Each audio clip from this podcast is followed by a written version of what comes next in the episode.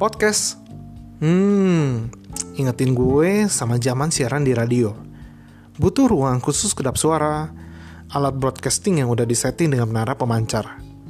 Sedangkan, podcast zaman sekarang, tinggal download aplikasi, daftarkan ID atau email kita, cari ruangan yang cukup hening dan tenang di rumah, terus kita open mic, upload karya kita, boom, kita jadi seorang podcaster.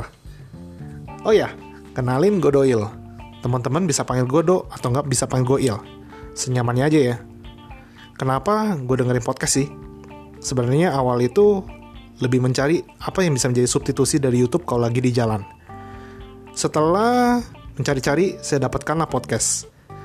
Udah dapetin podcast, saya menjadi pendengar, rasanya pengen juga jadi seorang podcaster. Mungkin ada yang nanya, kenapa? Lebih enak jadi pendengar aja kali.